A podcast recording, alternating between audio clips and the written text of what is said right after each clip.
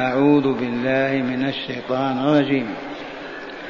فتأملوا وتدبروا في هاتين الآيتين فإن فيهما العلم الكثير والأجر العظيم. قال تعالى وما أرسلنا من رسول إلا ليطاع بإذن الله. وما أرسلنا من رسول إلا ليطاع بإذن الله ولو أنهم إذ ظلموا أنفسهم جاءوك فاستغفروا الله واستغفر لهم الرسول لوجدوا الله توابا رحيما فلا وربك لا يؤمنون حتى يحكموك فيما شجر بينهم ثم لا يجدوا في أنفسهم حرجا مما قضيت ويسلموا تسليما. مرة ثانية. وما أرسلنا من رسول إلا ليطاع بإذن الله. ولو أنهم إذ ظلموا أنفسهم جاءوك فاستغفروا الله واستغفر لهم الرسول لوجدوا الله توابا رحيما. فلا وربك لا يؤمنون حتى يحكموك فيما شجر بينهم ثم لا يجدوا في أنفسهم حرجا مما قضيت ويسلموا تسليما. وثالثا وما أرسلنا من رسول إلا ليطاع بإذن الله ولو أنهم إذ ظلموا أنفسهم جاءوك فاستغفروا الله واستغفر لهم الرسول لوجدوا الله توابا رحيما فلا وربك لا يؤمنون حتى يحكموك فيما شجر بينهم ثم لا يجدوا في أنفسهم حرجا مما قضيت ويسلموا تسليما. معاشر المستمعين أو المستمعات من المؤمنين والمؤمنات يخبر تعالى عن نفسه فيقول وما أرسلنا نحن رب العزة والجلال والكمال ما أرسلنا من رسول وقد علمتم أن الرسل ثلاثة ثلاثمائة وأربعة عشر رسولا. أولهم نوح وخاتمهم محمد صلى الله عليه وسلم. أما الأنبياء فعشرات الآلاف مئة وأربعة وعشرون ألفا. إلا أن النبي يتبع الرسول الذي تقدمه أو عاصره ومعه. وما أرسلنا من رسول إلا ليطاع بإذن الله. أي بأمر الله وإعلامه العباد بأنه إذا أرسل إليهم رسولا يجب أن يطيعوه. فحاشاه تعالى أن يرسل رسولا ويأذن للناس أن لا يطيعوه. كيف يكملون ويسعدون؟ وما أرسلنا من رسول في أي زمان وفي أي مكان مع أية أمة إلا وقد أعلم تعالى وألزم الناس بطاعته. إلا ليطاع بإذن الله. وقد علمتم زادكم الله علما أن طاعة الله وطاعة الرسول. طاعة الرسول من طاعة الله. إذ لا يأمر الرسول ولا ينهى إلا بما يحب الله أن يفعل وبما يحب أن يترك.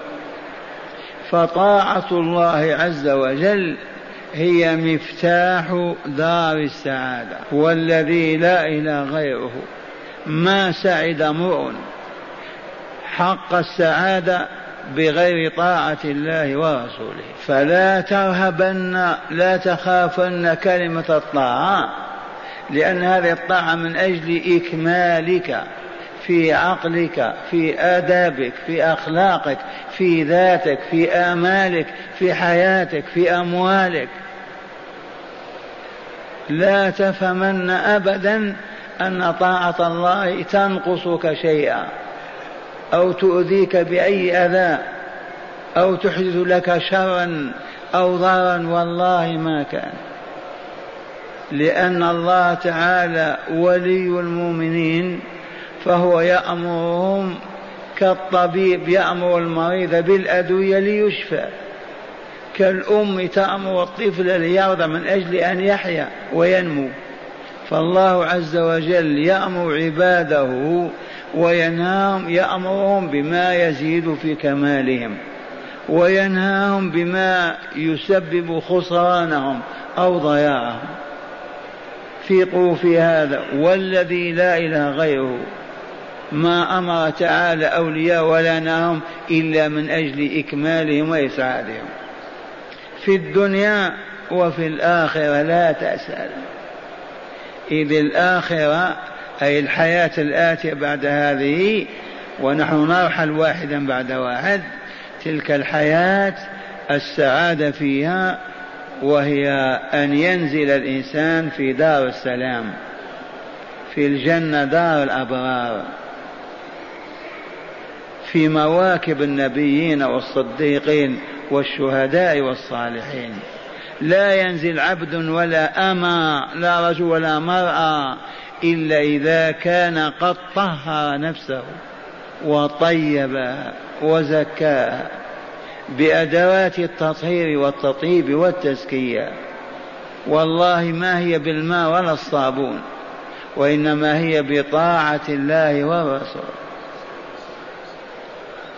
إذا أمر الله بأن تقول قل تلك القول على في لحظة وإذا هي انعكاسات على نفسك من طهارة وصلاة إذا نهاك عن كلمة وتركتها له خوفا منه أو حبا فيه ما إن تتركها في تلك اللحظة أقل من اللحظة وإذ هي إشاع نور في قلبك.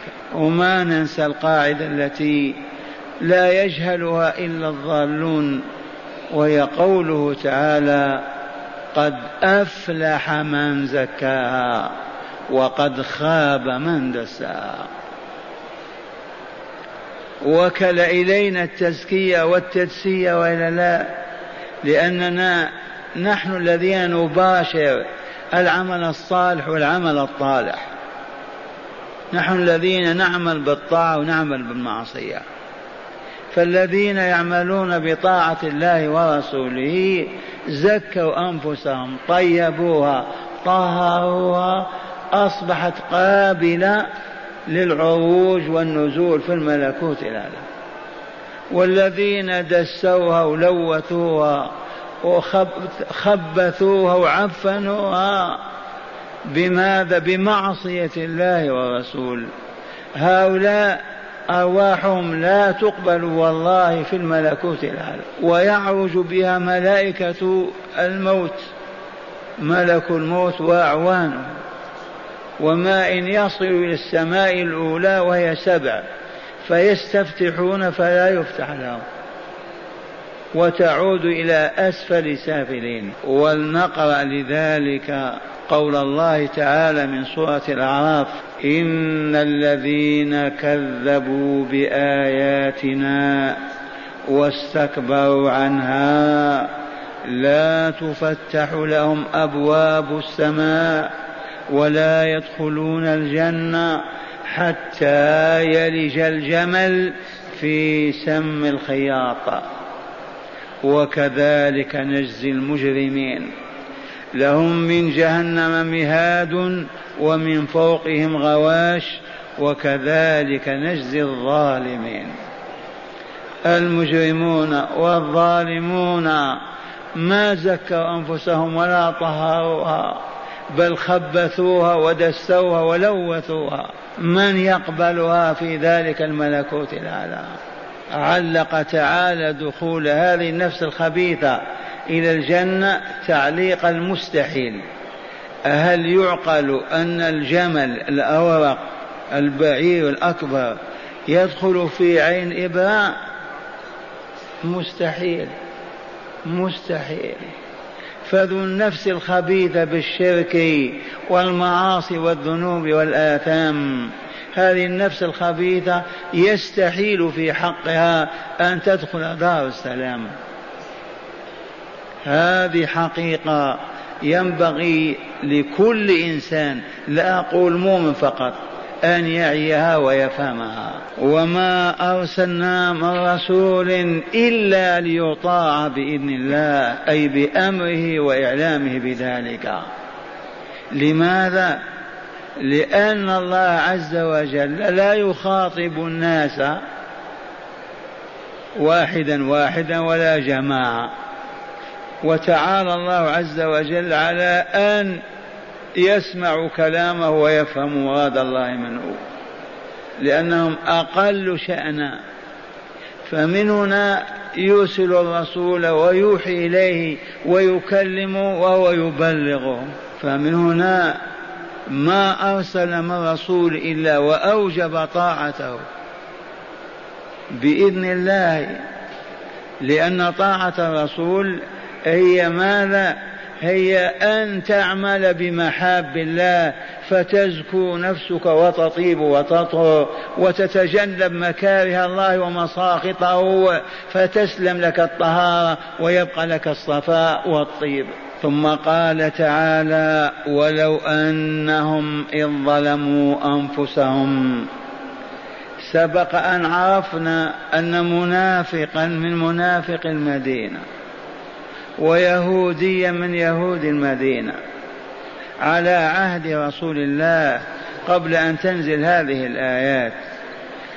اختلف في شأن من شؤونهم اختصما في قضية من قضايا دنياهم. فاليهود قال نتحاكم إلى محمد.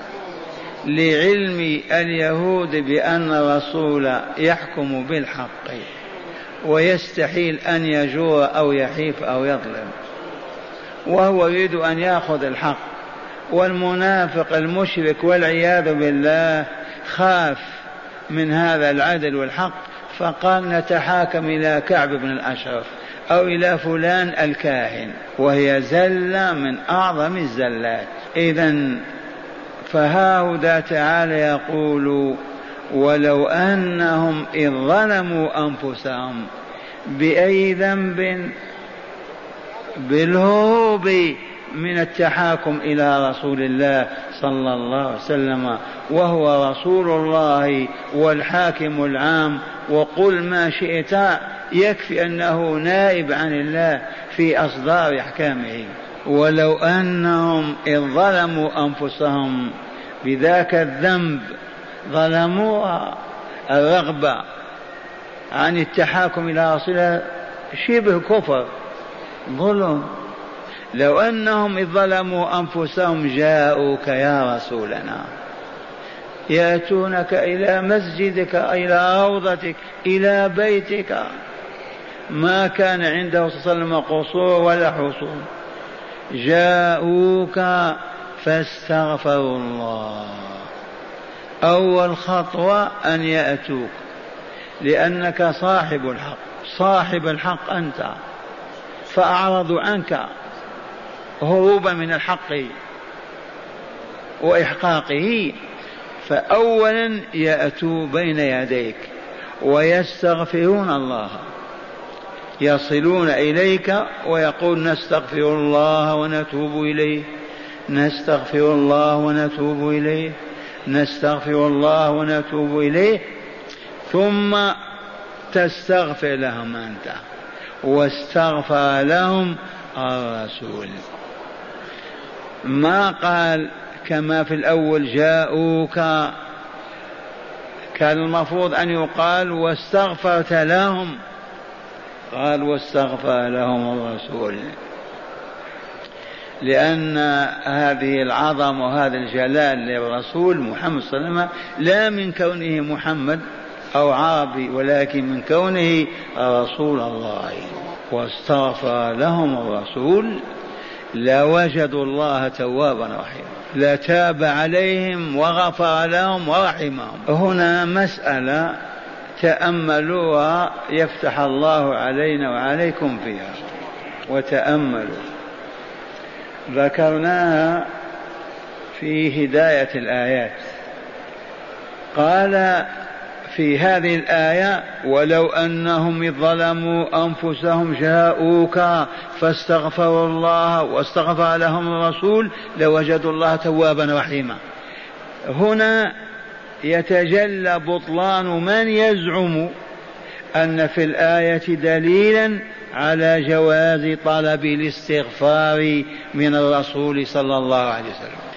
بلايين من القرون التي هبطنا فيها والعلماء و كلهم يقول يا رسول الله استغفر لي يا رسول الله استغفر لي أمام الحجرة الشريفة يا رسول الله استغفر لي كيف يستغفر لك رسول الله؟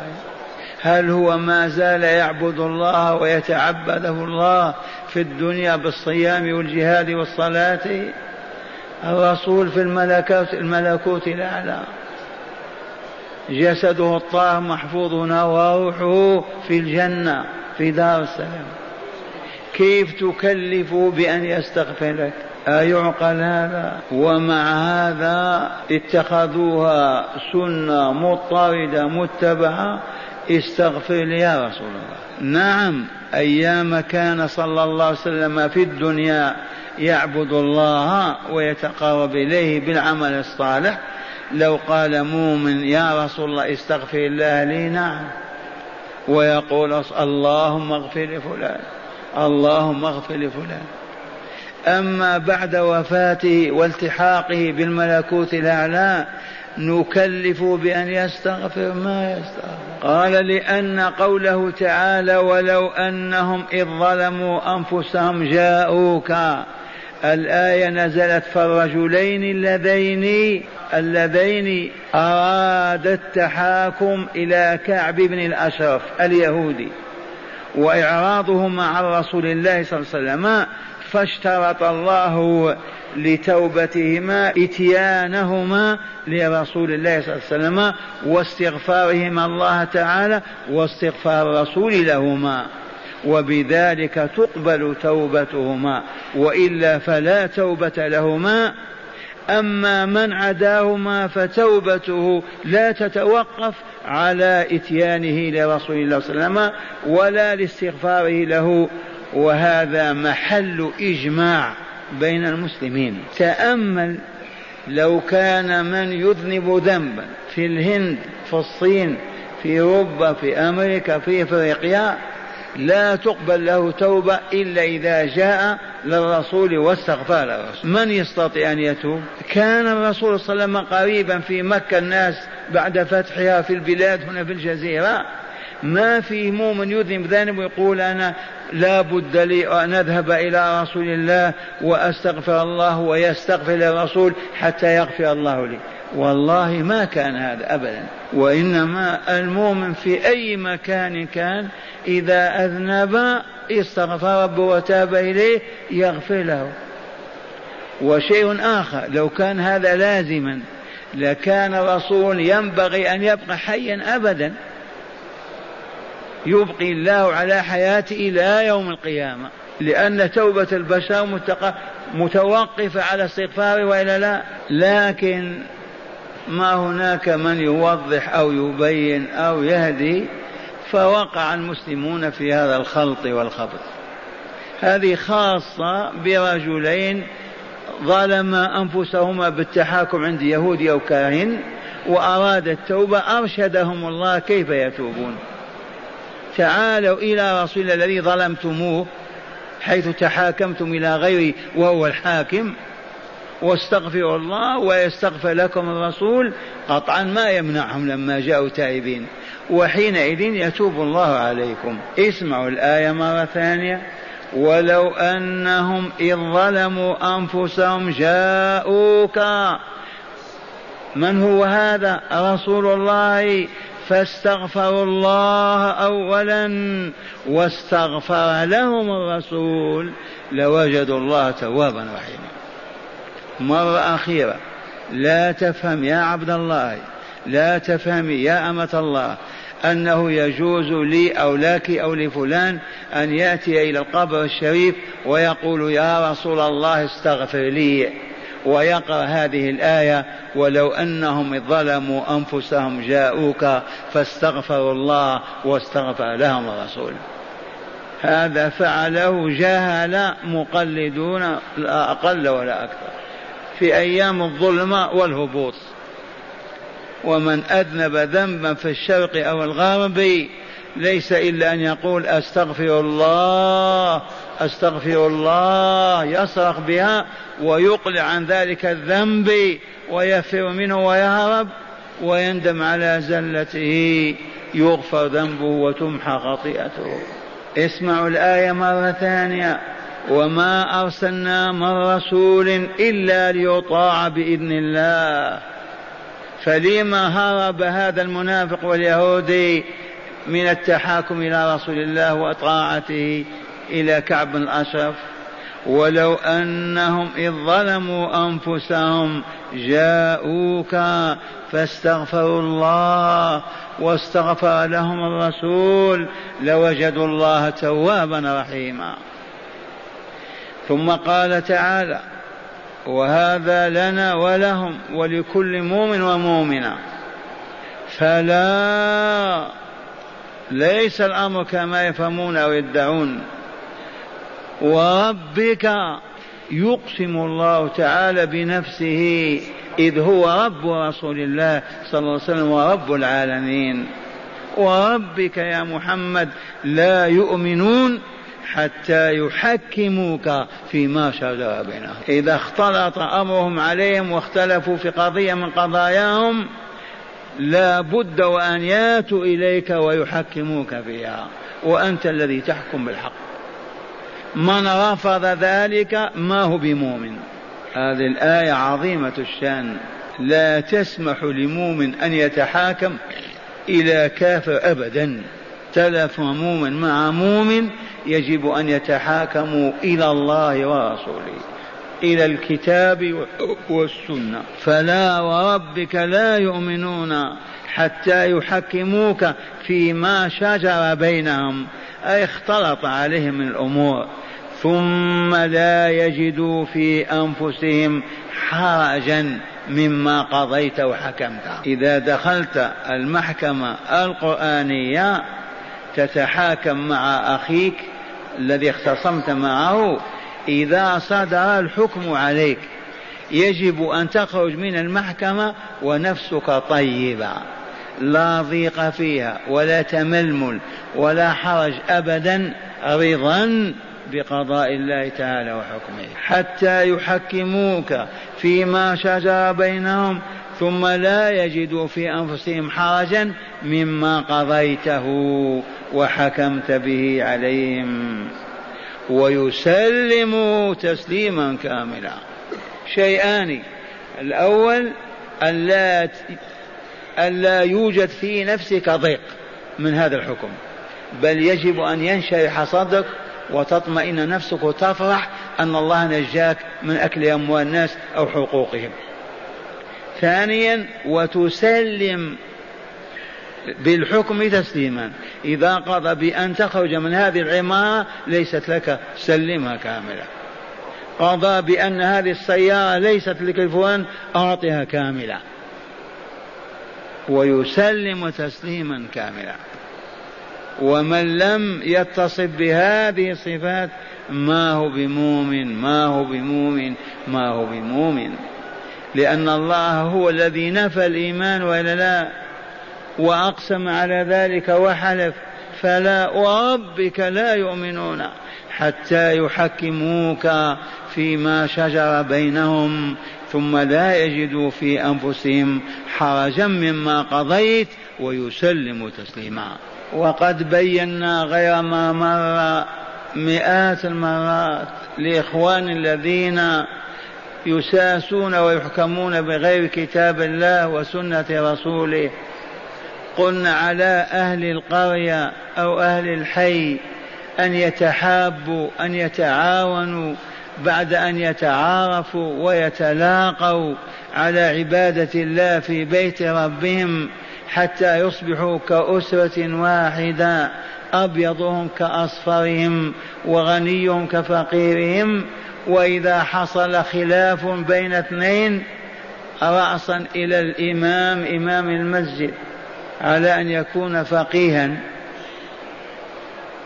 ويتقاضيان عنده وما قضى به وحكم به يسلم له صاحبه ويأخذه ويحمد الآخر ربه ولا يبقى في صدر حرج.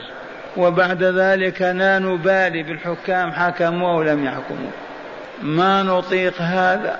كيف ما نستطيع؟ ما نستطيع أن نجتمع في بيت ربنا ونحن أهل قرية واحدة أو سكان حي من أحياء المدينة الكبيرة. نجتمع كل ليلة كما نحن الآن مجتمعون. نتعلم كتاب الله وهدي رسول الله صلى الله عليه وسلم.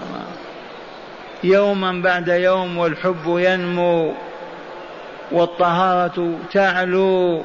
والإخاء والمودة يفرضان أنفسهما علينا وإذا بأهل القرية كأنهم أسرة طيبة.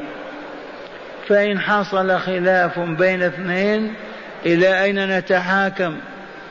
إلى القانون الفرنسي أو الإيطالي؟